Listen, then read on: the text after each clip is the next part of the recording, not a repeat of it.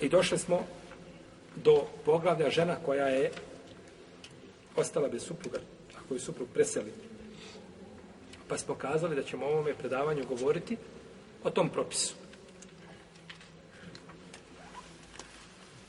Naravno, ne o cijelom predavanju, to je kratko poglavlje o kome ćemo govoriti, pa ćemo nastaviti dalje sa propisima koji se tiču talaka. Kod hanefijskih i hambelijskih učenjaka,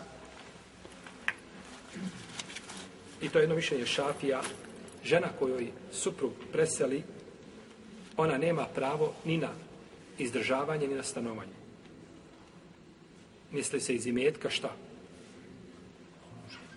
Iz njegovog imetka koga je ostavio, ona ima pravo na nasljedstvo. Znači da uzme iz nasljedstva ili jednu osminu ili četvrtinu. Ovisno da li muž ima dijete ili nema dijete. Ako ima dijete, onda je osmina, ako nema dijete, onda je četvrtina. Bilo dijete sa njom ili sa drugom ženom, nije bitno. To je njeno pravo.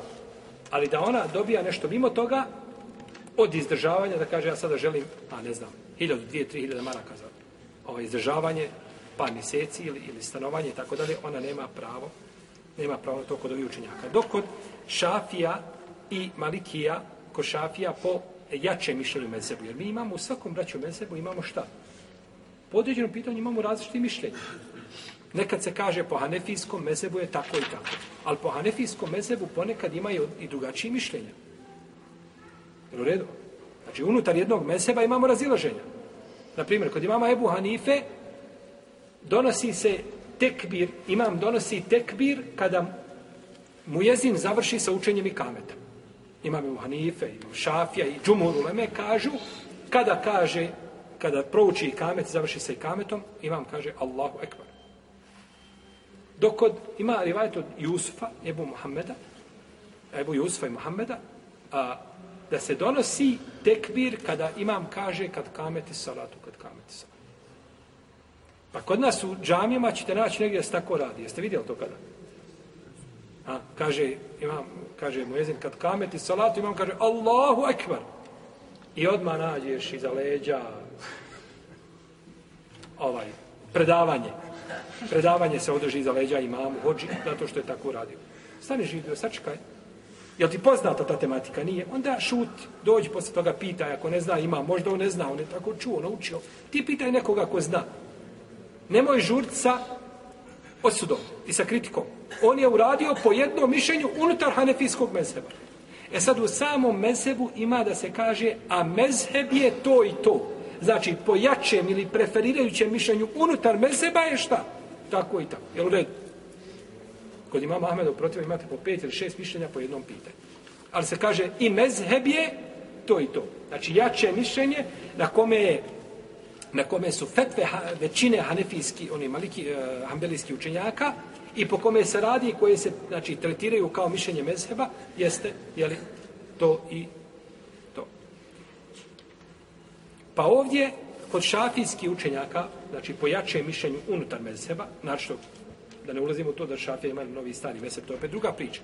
Ali kad govorimo o, o, o tom novom mišljenju, unutar znači tog mezheba postoje određene razlike. Kažu da ona ima pravo na a, stanovanje uz dva uvjeta.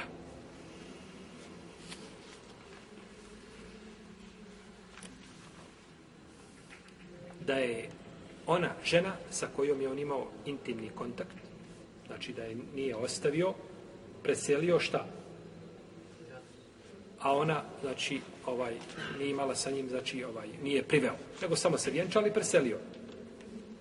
I druga stvar da je taj objekat u kome on živio, da je to njegovo vlasništvo. I mi smo spominjali hadis Foreje, prije možda dva, tri predavanja, kada je njen muž izišao, kada su pobjegli robovi. Sjećate se? Pa jeste, pa su ga ubili. A,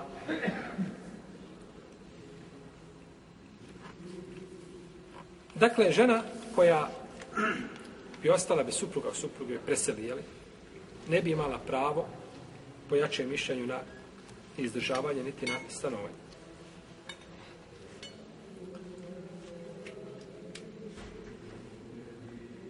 A ako je trudna,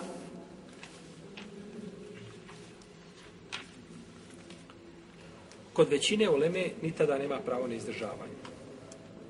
Ako je trudna ostala, opet nema pravo na šta na izdržavanje. Kažu, čovjek koji preseli, Je li on dužan nakon toga da je država svoju ženu i djecu? Nije dužan, gotovo. Pa kako će izdržati kad je preselio? Možemo iz kabura, doći kod kabura i moliti ga da, da nešto daje. Tako. To je završeno. Mo, može se podijeliti njegovo šta? Njegovi meta koji ostavi, on se podijeli među naslednicima. To je druga stvar. Ali izdržavanje prestaje tu. Pa kako je prestalo izdržavanje živog djeteta, tako je prestalo izdržavanje i žene i ovaj djeteta koje je šta? U utrobi majke. Koje je u utrobi, jel? Majke. Nego će dobiti, znači, ono što je pripada od nasljedstva.